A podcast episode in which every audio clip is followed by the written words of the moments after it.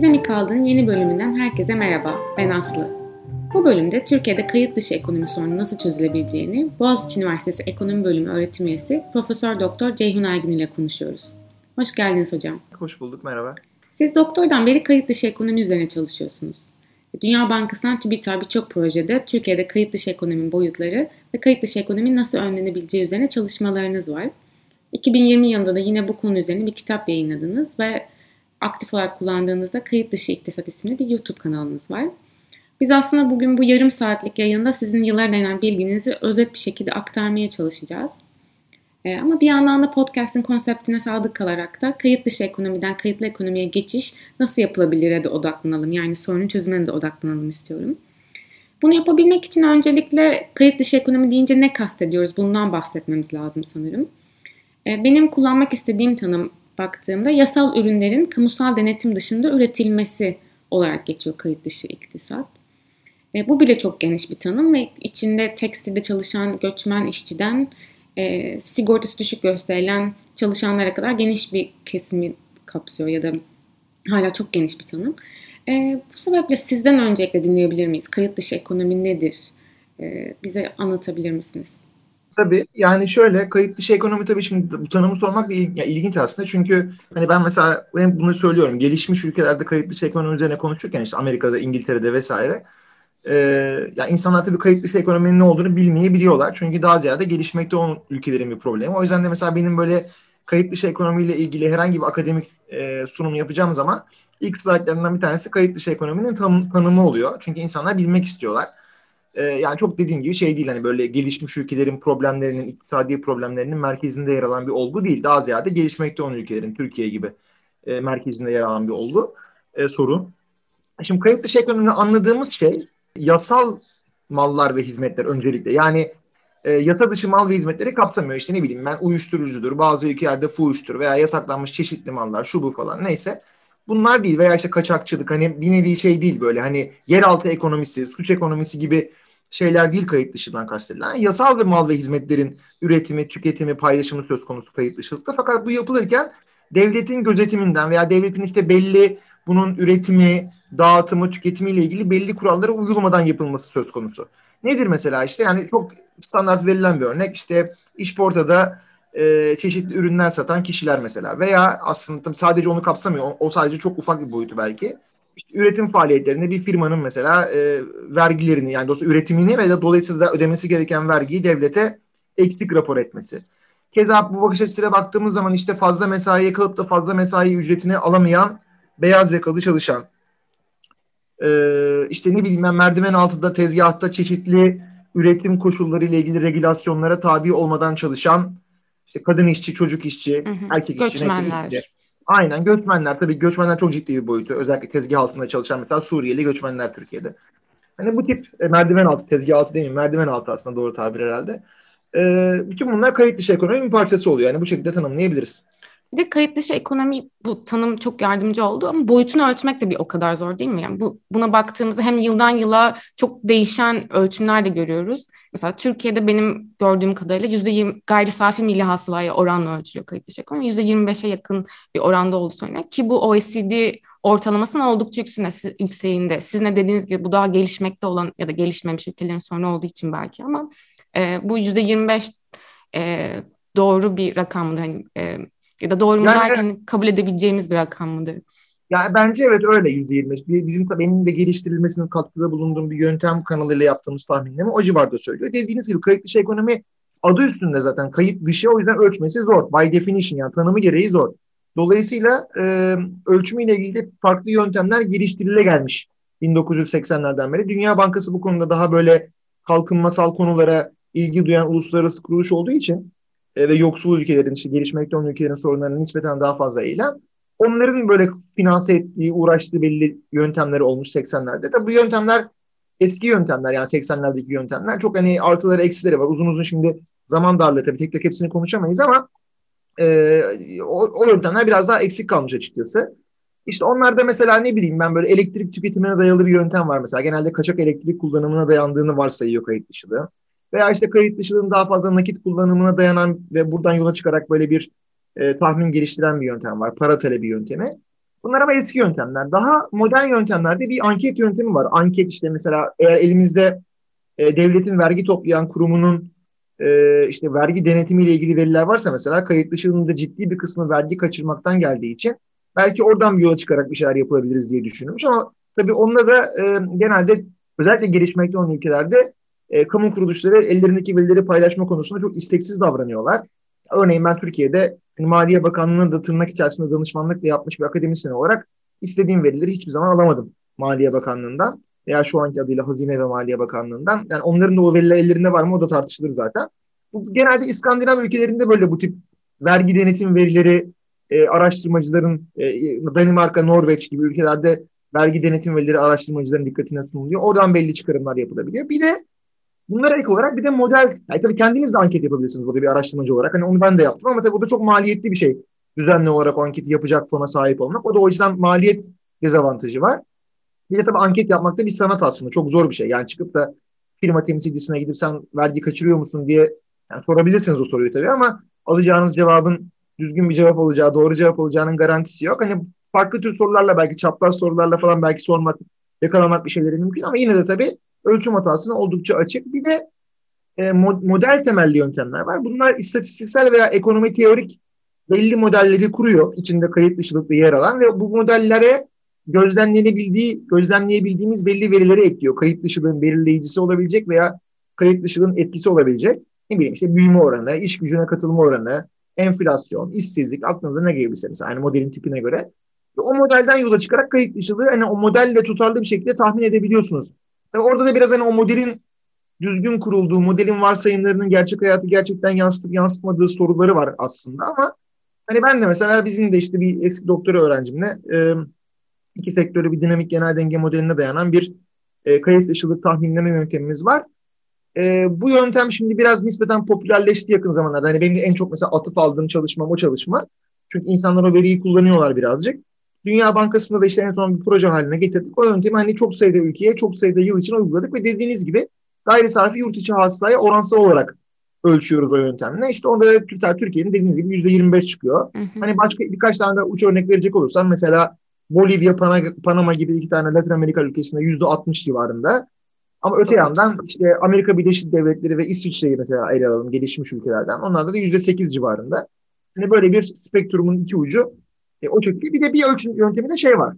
E, genelde Uluslararası Çalışma Örgütü tarafından o tutuluyor. E, kayıt dışı istihdam verisi var. Yani hı hı. gayri safi yurt içi hasılaya oransal değil de e, tarım dışı iç gücüne oransal olarak bir kayıt dışı istihdam verisi var. Onda da Türkiye yüzde otuz civarlarındaydı en son. Ee, ama onu da SGK'da da mesela o veri var. Türkiye'de Sosyal Güvenlik Kurumu o veriyi rapor ediyor. Ama tabii yine onun da ölçümüyle ilgili işte az önce bahsettiğimiz bütün sorunlar bu ölçümle ilgili geçerli aslında. Bu ölçüm aslında detay tartıştığımızda çok sevindim. Çünkü bir adım olarak mesela bu Uluslararası Çalışma Örgütü'nün çalışmalarına, Dünya Bankası'na baktığımızda öncelikle bu kayıt dışı ekonomi boyutunun ölçülmesi çözüm için çok önemli bir şey. Ve mesela Türkiye'de birçok insan belki bunu e, günlük konuşmalarla da işte Türkiye'de kayıt dışı ekonomi büyük bir sorun deseler bile boyutunu ve ne kadar büyük olduğunu o kadar bilerek söylemiyorlar. Ve %25 gayri safi Hasan %25'i olması aslında çok önemli bir bir nevi kaçak sızıntı gibi aslında ekonomiden ve Aynen. O bakımdan da bunu konuşmamızın iyi olduğunu düşünüyorum. Çünkü şimdi size e, biraz sebeplerini sormak istiyorum. Çünkü halk arasında kayıt dışı ekonominin biraz böyle sanki şey algısı var. İnsanların ya da şirketlerin devlette güvenmediği için ya da devletten türlü sebeplerle vergi kaçırmak istediği için olduğuna dair bir algı var ki belki bu kısmen doğru hani siz daha iyi anlatabilirsiniz. Ama Türkiye'de kayıt dışı ekonominin bu kadar geniş olmasının yani yapısal sebepleri nelerdir sizce ya da hangi temel sebeplerle e, bu kadar büyük bir kayıt dışı ekonomimiz var? Ya bu, bu sorunun şeyle alakalı. Kayıt dışının sebeplerini eğer düzgün tespit edebilirsek eğer kayıt dışılıkla mücadele edeceksek eğer tabii o sebeplere odaklanarak, sebeplere yoğunlaşarak mücadele etmek daha mantıklı oluyor.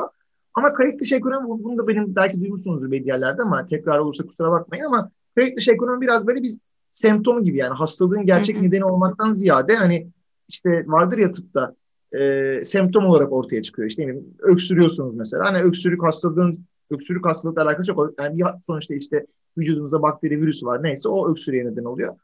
E, keza kayıt dışılıkta öyle. Başka tabii altında yatan belli meseleler var açıkçası. Bunlardan bir tanesi aslında sizin söylediğiniz güven. Bence oldukça önemli bir sebep. Çünkü e, dünya değerler anketi. Yani bu tabii biraz değiştirilmesi zor bir şey yani böyle güven dediğiniz zaman ama çünkü sosyokültürel bir e, boyut. E, yani geleneksel olarak işte birbirlerine daha yani insanların birbirine daha az güvendiği toplumlarda ki bu da işte nasıl ölçüyorsunuz diyeceksiniz. Bununla ilgili public trust yani kamusal güven e, ölçüleri var. Dünya Değerler Anketi World Value Survey tarafından e, farklı dalgalarda yayınlanan çok sayıda ülke için. Orada bir sürü şeyi ölçüyorlar. İşte devlete güven, kamuya güven, yargıya güven, orduya güven işte vesaire vesaire. Bir de tabii komşunuza güven falan da var orada.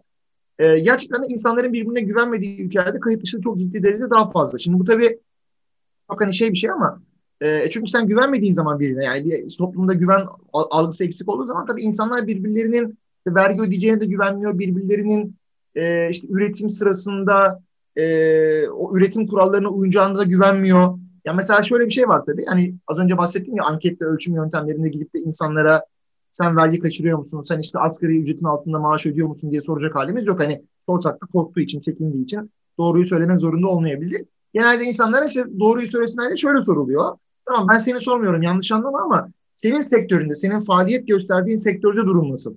Hani hı hı. senin faaliyet gösterdiğin sektörde asgari ücretin altında e, maaş ödeme, ücret ödeme gibi bir e, şey var mı? Uygulama var mı? Ne kadar var? Hani sıfırla on arasında bunu mesela söyleyecek olsam falan gibi.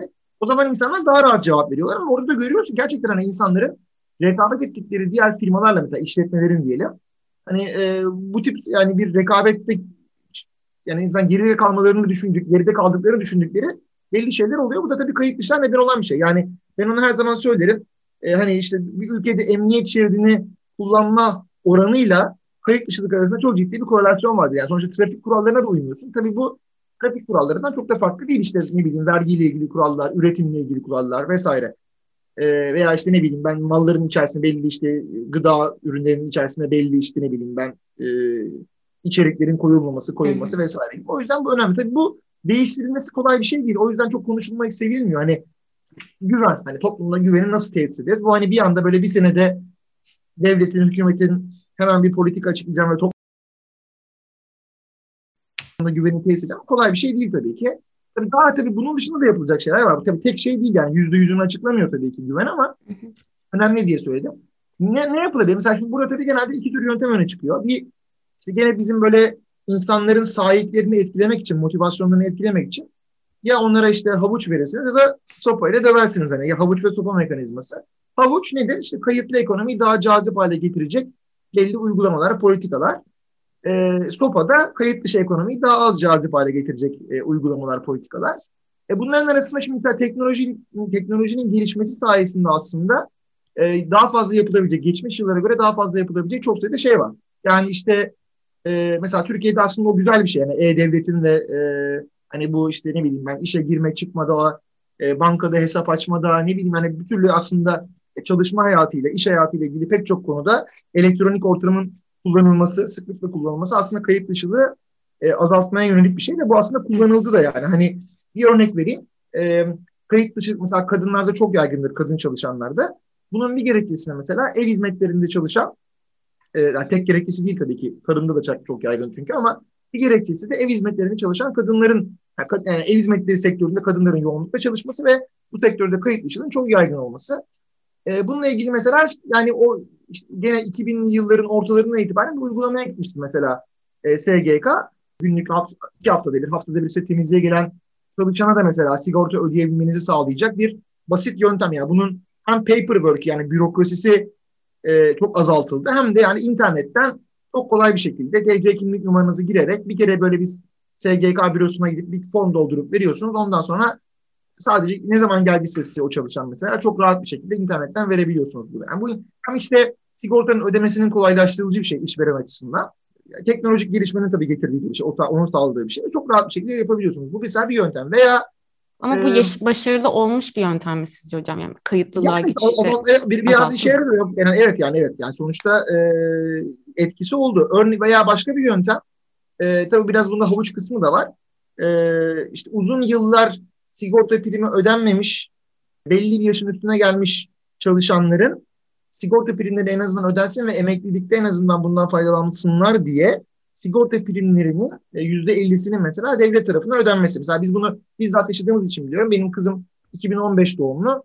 2015'in işte Ekim ayında bir e, bakıcı tuttuk kendisine. Türk yani şey oturma izni çalışma yani yabancı vesaire değil. Türk bakıcı e, ve sigortaya ihtiyacı vardı. İşte uzun yıllar çalıştığı yerde sigortası ödenmemiş vesaire. E, ve aynen bu durumdaydı. Yaşı da nispeten ileriydi. 55'in üstündeydi.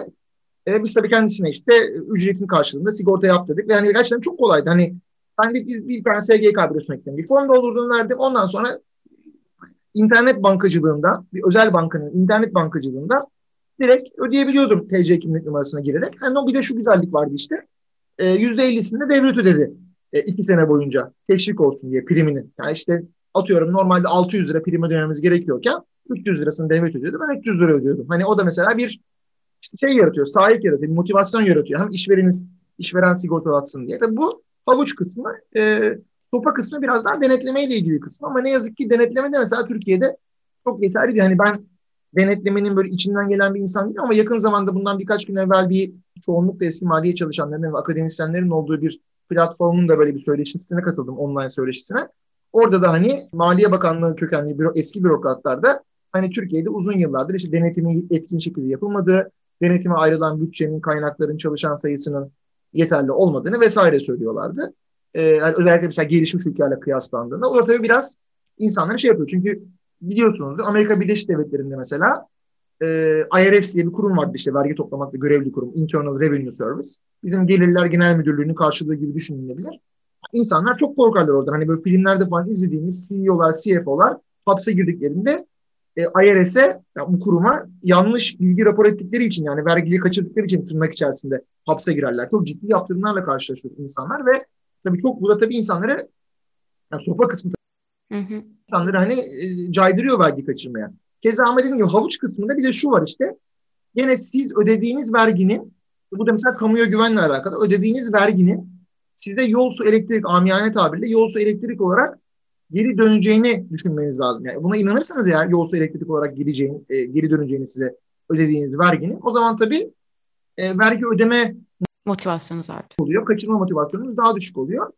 Bu da yani sonuçta işte pek çok ülkede gelişmiş ülkede özellikle e, işte bunu hatta vergi ahlakı kavramına getiriyor bizi. Tax moral diye bir e, kavram var. Bu da gene ölçülüyor bu arada. Ülke ülke yıl yıl ölçülen bir kavram. Tax moral. Anketlerle vesaire çok çeşitli yollarla ölçülüyor ve kayıt dışının önemli bir belirleyicisi olarak öne, öne çıkıyor. Ee, bunu da söyleyebiliriz yani belirleyici olarak. Peki bu noktada hocam şeyi sorsam. Mesela e, şu an kayıt dışı ekonomi olduğu için istihdam edilen insanlar da var. Belki kayıt dışı ekonomi bu kadar büyük olmasa bu şekilde istihdam edemeyecek. Bunun için göçmenler olabilir. Daha düşük gelirle çalışan insanlar olabilir. Biz mesela kayıt dışı ekonomiyi den e, kayıt dışı ekonomiye bir geçiş sağlasak bu insanlar otomatikman e, istihdam edebilecek kadar büyük bir ekonomimiz var mı? Yani orada o insanların istihdamını korumak, koruyarak politikalar üretmek mümkün mü? Ya da nasıl bir yöntem izlenilebilir? Çok güzel soru bu. Çünkü şundan dolayı güzel. Biz bununla ilgili araştırma yapmıştık e, vakti zamanında. Şöyle yani kayıt dışı ekonomi diyelim ki inanılmaz sert polisiye tedbirlerle yani idam cezası getirdiniz mesela tamam mı? Yani atıyor çok aşırı sert polisiye tedbirlerle sıfırladınız diyelim. Bu maalesef tabii direkt oradaki kayıt dışı istihdamın kayıtlı istihdama ekleneceği anlamına gelmiyor. Zaten bu insanların yani orada kayıt dışı mesela ekonomide istihdam edilenlerin çoğu zaten kayıtlı ekonomide istihdam edilemedikleri için. Yani kayıtlı ekonomide onların istihdamına bir şekilde yeterince talep olmadığı için kayıt dışı ekonomide çalışmak zorunda kalıyorlar. Dolayısıyla hani e, direkt onu eklemek olmuyor açıkçası. Mesela bununla şöyle bir çalışma yapmıştık. Bir kredi kartı, uluslararası bir kredi kartı şirketi bize işte bütün e, şeyler, transaction'lar, bütün işte tüketim kredi kartıyla yapılsa veya banka kartıyla yapılsa, kartla yapılsa, yani nakit tamamen ortadan kalksa ne oluru e, sordu. Hani ve işte bunun artısı, eksisi vesaire. Ve bir o şey artısı kayıt dışı ekonominin sıfırlanması neredeyse. Tabii orada biz mesela şey yaptık. O zamanlar Türkiye 2011 yılı falan galiba. Kayıt dışı ekonomi Türkiye'de yaklaşık yüzde 27-30 arası bir şeydi. Yanlış hatırlamıyorsam. Şimdi tabii diyelim ki sıfırladınız bu 27-30'u. Ne olacak? 27-30 direkt kayıtlı ekonomi bir anda 27 büyüyecek mi mesela? Hayır yani o ondaki büyüme etkisi yüzde üç civarında falan oluyor. Neredeyse onda biri falan. Yani düşük tabii. Sonuçta o insanların bir kısmı, önemli bir kısmı yani vast majority çok, çok ciddi bir kısmı e, işsiz kalacak muhtemelen. Dolayısıyla hani o yüzden mesela kayıt dışı ekonomiyle mücadele tek başına yeter. Çünkü bu semptom yani hani biraz da semptom olmasıyla alakalı. Yani kayıt dışı ekonomi altında yatan başka problemler nedeniyle bu kayıt dışılık var. İşte iş gücü piyasasındaki segmentasyon nedeniyle var. kuralların işte denetimin düzgün yapılamadığı için var. Sosyo-kültürel gerekçelerle var. E, sizin işte mesela uluslararası rekabette e, rekabetçi olmanızın tek yolunun işte ücretleri düşürmek olması ve dolayısıyla sadece kayıt dışı bu nedenle yönelmeniz var. Var da var yani. Ve pek çok şey var yani. Dolayısıyla hani direkt kayıt dışılığı sıfırladın ve ondan sonra dünya çok güzel bir yer olacak. E, ve bu insanlar herkes çok mutlu olacak. Sosyal refah artacak. Hayır. Hatta o da bizi biraz şeye getiriyor maalesef. E, optimal kayıt dışılık. Yani şimdi tabii ne, neye göre optimal? Yani amacımız ne burada diyeceksiniz. Yani amaç fonksiyonu ne? Objective function hani biz iktisatçılar öyle deriz onu. O, amaç fonksiyonu nedir? Hedef fonksiyon. Şimdi tabii vergi gelirlerini maksimize etmek, en çok hale getirmek olabilir belki ama o değil. Sosyal refah olsun. Yani sosyal refahı en çok hale getirecek, maksimize edecek bir e, hedef fonksiyonumuz, amaç fonksiyonumuz olsun. Yani insanların güvenceli bir şekilde çalıştığı. Evet, sosyal refah insanları mutlu etmek yani. İnsanlar da işte tüketimden mutlu olur, e, işte dinlenmeden mutlu olur falan, gelirden mutlu olur. Neyse artık yani o ne koyacaksınız fonksiyonun içerisine. Yani işte bu kayıt dışıyı sıfırlamak, yani sıfır haline getirmek, hani toplamdaki toplam sosyal refahı maksimize edecek midir? İşte bu soru işareti, büyük bir soru işareti ve değil tabii ki. Dolayısıyla o da bize optimal kayıt dışılığa getiriyor. Hani e, optimal kayıt dışılık da maalesef işte ülkenin biraz kurumsal yapısına vesaire de bağlı. Ee, yani işte dediğim gibi yani yolsuzluğun yaygın olduğu, bürokratik kalitenin düşük olduğu, e, siyasi istikrarın olmadığı, işte bir şekilde tarihsel nedenlerle olabilir, coğrafi nedenlerle olabilir, kültürel, dinsel nedenlerle olabilir. İnsanların birbirine güven duymadığı, işte mesela etnik parçalanmanın çok yüksek olduğu. Hani o da mesela kayıt dışıdan bir belirleyicisi. Ethnic fractionalization diye bir endeks var. İşte bir toplumdaki etnik yapının çok böyle dağınık olması ve tabii bunların arasında çatışma yani illa askeri çatışma değil de hani e, şey çatışma, hani toplumsal bir çatışma, uzlaşma kültürünün olmaması vesaire. Çünkü bunlar hep maalesef Türkiye'yi betimliyor. E, kayıt dışı da işte yüksek tutan faktörler. Bunları çözmek gerekiyor yani her şeyden. Bunları çözdükten sonra bir yandan da işte kayıt dışılıkla mücadele ederseniz sopayla olsun, havuçla olsun o zaman aslında hani sosyal refahı en çok hale getirebilirsiniz, maksimize edebilirsiniz ama sırf ben bunlarla hani bunları bir şey yapamıyorum bunlara karşı kısa vadede. Sadece işte sopa havuç derseniz de o zaman kayıt dışını tek başına sıfırlamak bir işe yaramıyor yani. Hani o çünkü insanları yani insan toplumu refahını arttıracak bir şey değil genel olarak maalesef. Peki bu e, kayıt dışı ekonominin bir semptom olduğunu kabul ederek e, ama bir yandan da diyelim ki siyasi irade olarak kayıt dışı ekonominin çözülmesi gerektiğini bu saydığınız sebeplerden dolayı sosyal refahın artması için olabilir. İnsanların daha güvende ve daha decent work denen iyi çalışma koşullarında çalışması sebebiyle e, önlemek istedik. Kısa vadede ilk adımı atılması gereken adımlar olarak siz neleri görüyorsunuz? Biraz böyle zaten havuç ve sopadan bahsettiniz ama adımlar alınmalı sizce? Türkiye için konuştuk orada. Bir kere Türkiye'de hani e, yani maliye politikası böyle bilimsel araçlarla yapılmıyor. Şimdi oturup gerçekten öncelikle bir e, Maliye Bakanlığı, Hazine ve Maliye Bakanlığı'nın elindeki verileri toplayıp böyle bir ben illa tabii akademisyenlerin dedikleri tamamen yapılsın hiçbir siyasi boyutu olmasa falan demiyorum ama yani en azından böyle bir akademisyenlerden de görüş alarak ve bir şekilde böyle bir bilimsel temellere dayalı bir maliye politikası dizayn etmek lazım. Mesela burada şundan dolayı söylüyorum bunu. Çünkü Türkiye'de çok böyle yani bunu bizzat vergi konseyi üyesi olan hatta işte eski, iki eski Maliye Bakanı ile de e, Naci Abal Bakanken biraz hani konuşma fırsatı bulmuş ve işte Maliye Bakanlığı tırnak içerisinde bir miktar danışmanlık yapmış bir insan olarak söylüyorum. Maliye Bakanlığı hani gerçekten de elinde böyle verilere dayalı o verileri analiz edelim. İşte KDV indirimi getiriyoruz mesela bir sektöre. O KDV indiriminin sonunda istihdam böyle olur, kayıt dışılık böyle olur, gelirler şöyle artar diye analiz yaparak karar almıyor. Dünyada böyle değil ama. Dünyada mesela Amerika'da işte e, Congressional Budget Office diye bir kurum vardır. E, en ufak böyle vergiyle ilgili diyelim ki bir yasa teklifi geldi, tasarı geldi kongreye. Bir milletvekili, bir e, senatör bir teklifte bulunacak. Hemen onun e, bir raporu hazırlanır. İşte bunun etkisi şu olacak, böyle olacak, gelir bu kadar artacak, istihdama şöyle etkisi olacak, büyümeye böyle artısı eksisi olacak vesaire diye. Şimdi bizde yani bu tabii çok doğru çıkar, yanlış çıkar ayıramayız. Yani temel analizi o. Bizde böyle şeyler yapılmıyor. Hani böyle şeyler yapılmadığında bir vergi konseyi toplantısında Naci Bey de itiraf etmişti. Ben de demiştim ki hatta akademisyen, akademisyenler olarak mesela bize Boğaziçi akademisyenleri olarak o zaman 2017 yılından bahsediyorum. Bize yani proje biz, biz yapalım işte verimize verileri biz yapalım biz analiz edelim demiştim. Tamam falan demişti. Yaptık bir şeyler de. Sonra ama bakan değişince bizim yaptıklarımızı kimse okumadı vesaire öyle kaldı. Ama hani böyle bir şeye ihtiyaç var. Çünkü neden böyle bir şeye ihtiyaç var diyorum. Mesela şimdi öneri getirebilirim mesela ben. Diyebilirim ki var dünyada konuşulan öneriler. Uniform taxation yani şimdi çok fazla şey var Türkiye'de vergi konusunda. Kafa karışıklığı var. İşte farklı bir sürü vergi türü var. Hepsinin de seviyesi farklı. Bir de bunların Hepsinin istisnası var. Arada bir de af geliyor. E, af geldiği için de hani iyice karışıyor bilmem ne falan. Hani af gelecek beklentisiyle insanlar gene ödemiyor. Böyle karman çorban bir vergi sistemi var. Bunu herkes söylüyor zaten. Bütün mali uzmanları da.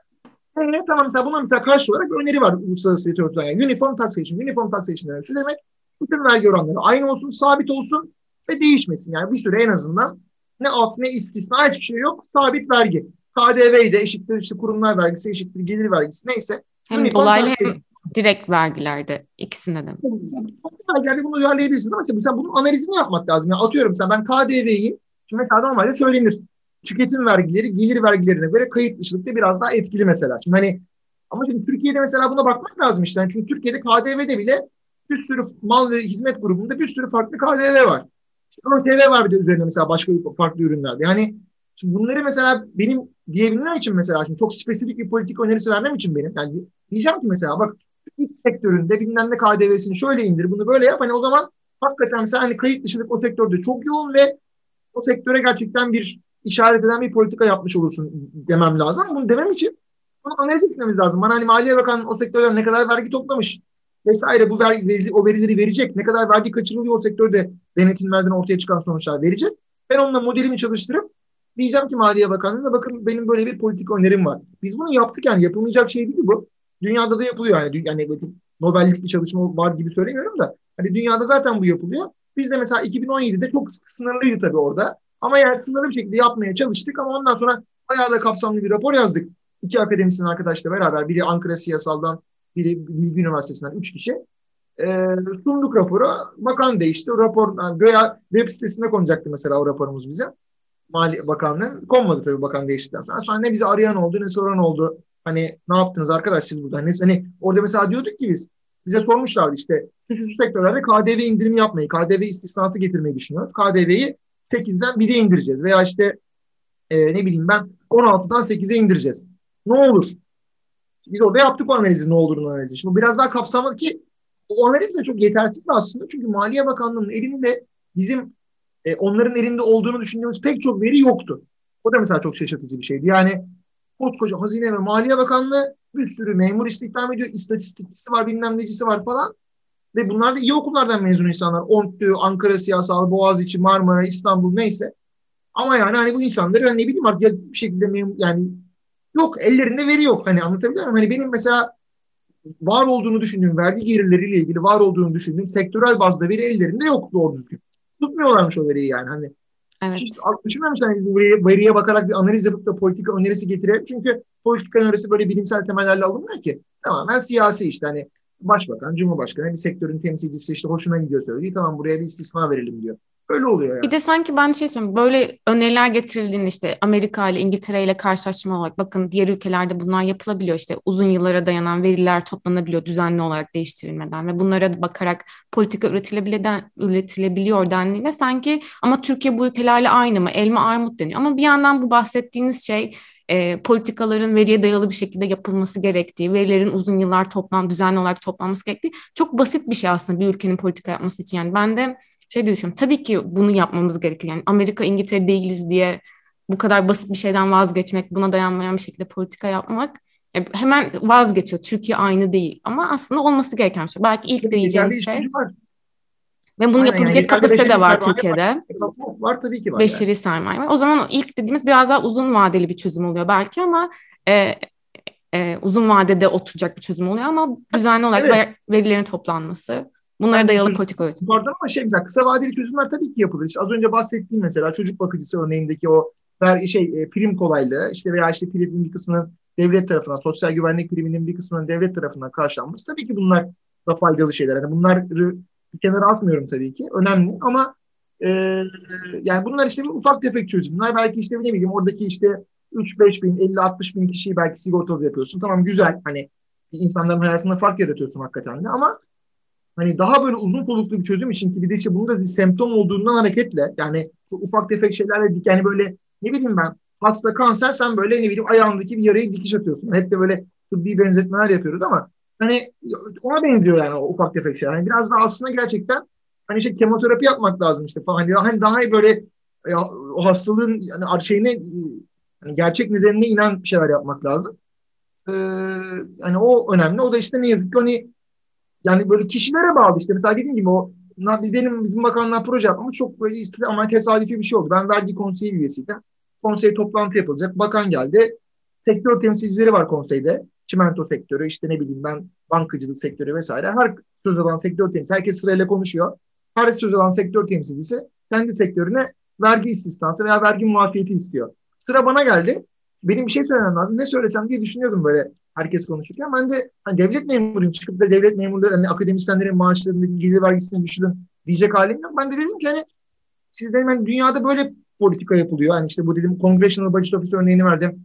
İngiltere'de Institute for Fiscal Studies var biliyorsunuzdur. E, o, hani, o, yani dedim onlar gibi bir şey yapalım. Biz öyle bir enstitü kuralım, bir şey kuralım, bir şey yapalım yani. Hani analiz yapalım. Bakan çok hoşuna gitti dedi. Çok haklı hocamız dedi. Yani biz de hiç öyle analiz yapmıyoruz. Hani bir sürü vergi istisnası getiriyoruz. Etkisi şu olur diye geçmiş tecrübemize dayanaraktan söylüyoruz ama sonra gerçekten etkisi öyle olmuş diye bakmıyoruz bile dedi. O yüzden dedi ben de hocamıza açık çek veriyorum. Hocamıza proje yapacağız. Falan. Herkes hatta beni tebrik etti toplantıdan sonra. Toplantı size yaradı hocam falan diye. Hakikaten de ertesi gün telefon geldi bakanlıktan. Gelin proje yapın falan. İşte yaptık. Ama işte o da sonra yalan oldu. Yani hani kimse bakmadı bile yani. Anlıyorum. Biraz üzücü bir nokta bitirmiş evet. gibi olduk ama bir yandan da aslında bu bahsettiğiniz zaten en önemli şey bence de bu podcast'ta da biraz aslında onun dair hani nasıl verilere dayalı politika yapılabilir üzerine konuşmak istiyorum ama bir yandan şeyin de örneğini vermiş oldunuz yani kısa vadede çalışan politikalar da var ama bunların aslında ne kadar işe yaradığının da üzerine düşünülüp devam edip etmemesi gerektiğine bakılmıyor. Sektörel e, olarak politika üretilecekse bile bunlara bakarak üretilmiyor ve vergi belki ayrıca bir bölümde ben onu ele almak istiyorum. Çünkü Türkiye'de vergi toplanması, vergi yükü, bu vergi bilinçliliği apayrı bir sorun belki. Onu da ayrı şekilde ele almak lazım. Ee, çok teşekkür ederim hocam. Yani başka eklemek istediğiniz, atılmalı dediğiniz bir adım varsa e, belki onları konuşabiliriz ama. Yani işte kayıt dışılıkla ilgili gerçekten hani e, toplumda bir farkındalık var Türkiye'de. Kayıt dışı ekonomi herkes biliyor bir şekilde. Çünkü gazetelerde falan ekonomi sayfalarında falan çok yer alan bir şey. Kayıt dışı, kanayan yaramız vesaire. Ben öğrencilik benim hani ben hatırlıyorum ilkokul, ortaokul yıllarından beri kayıt dışı ekonomi, kayıt dışı ekonomi hep duyardım yani gazetelerde falan.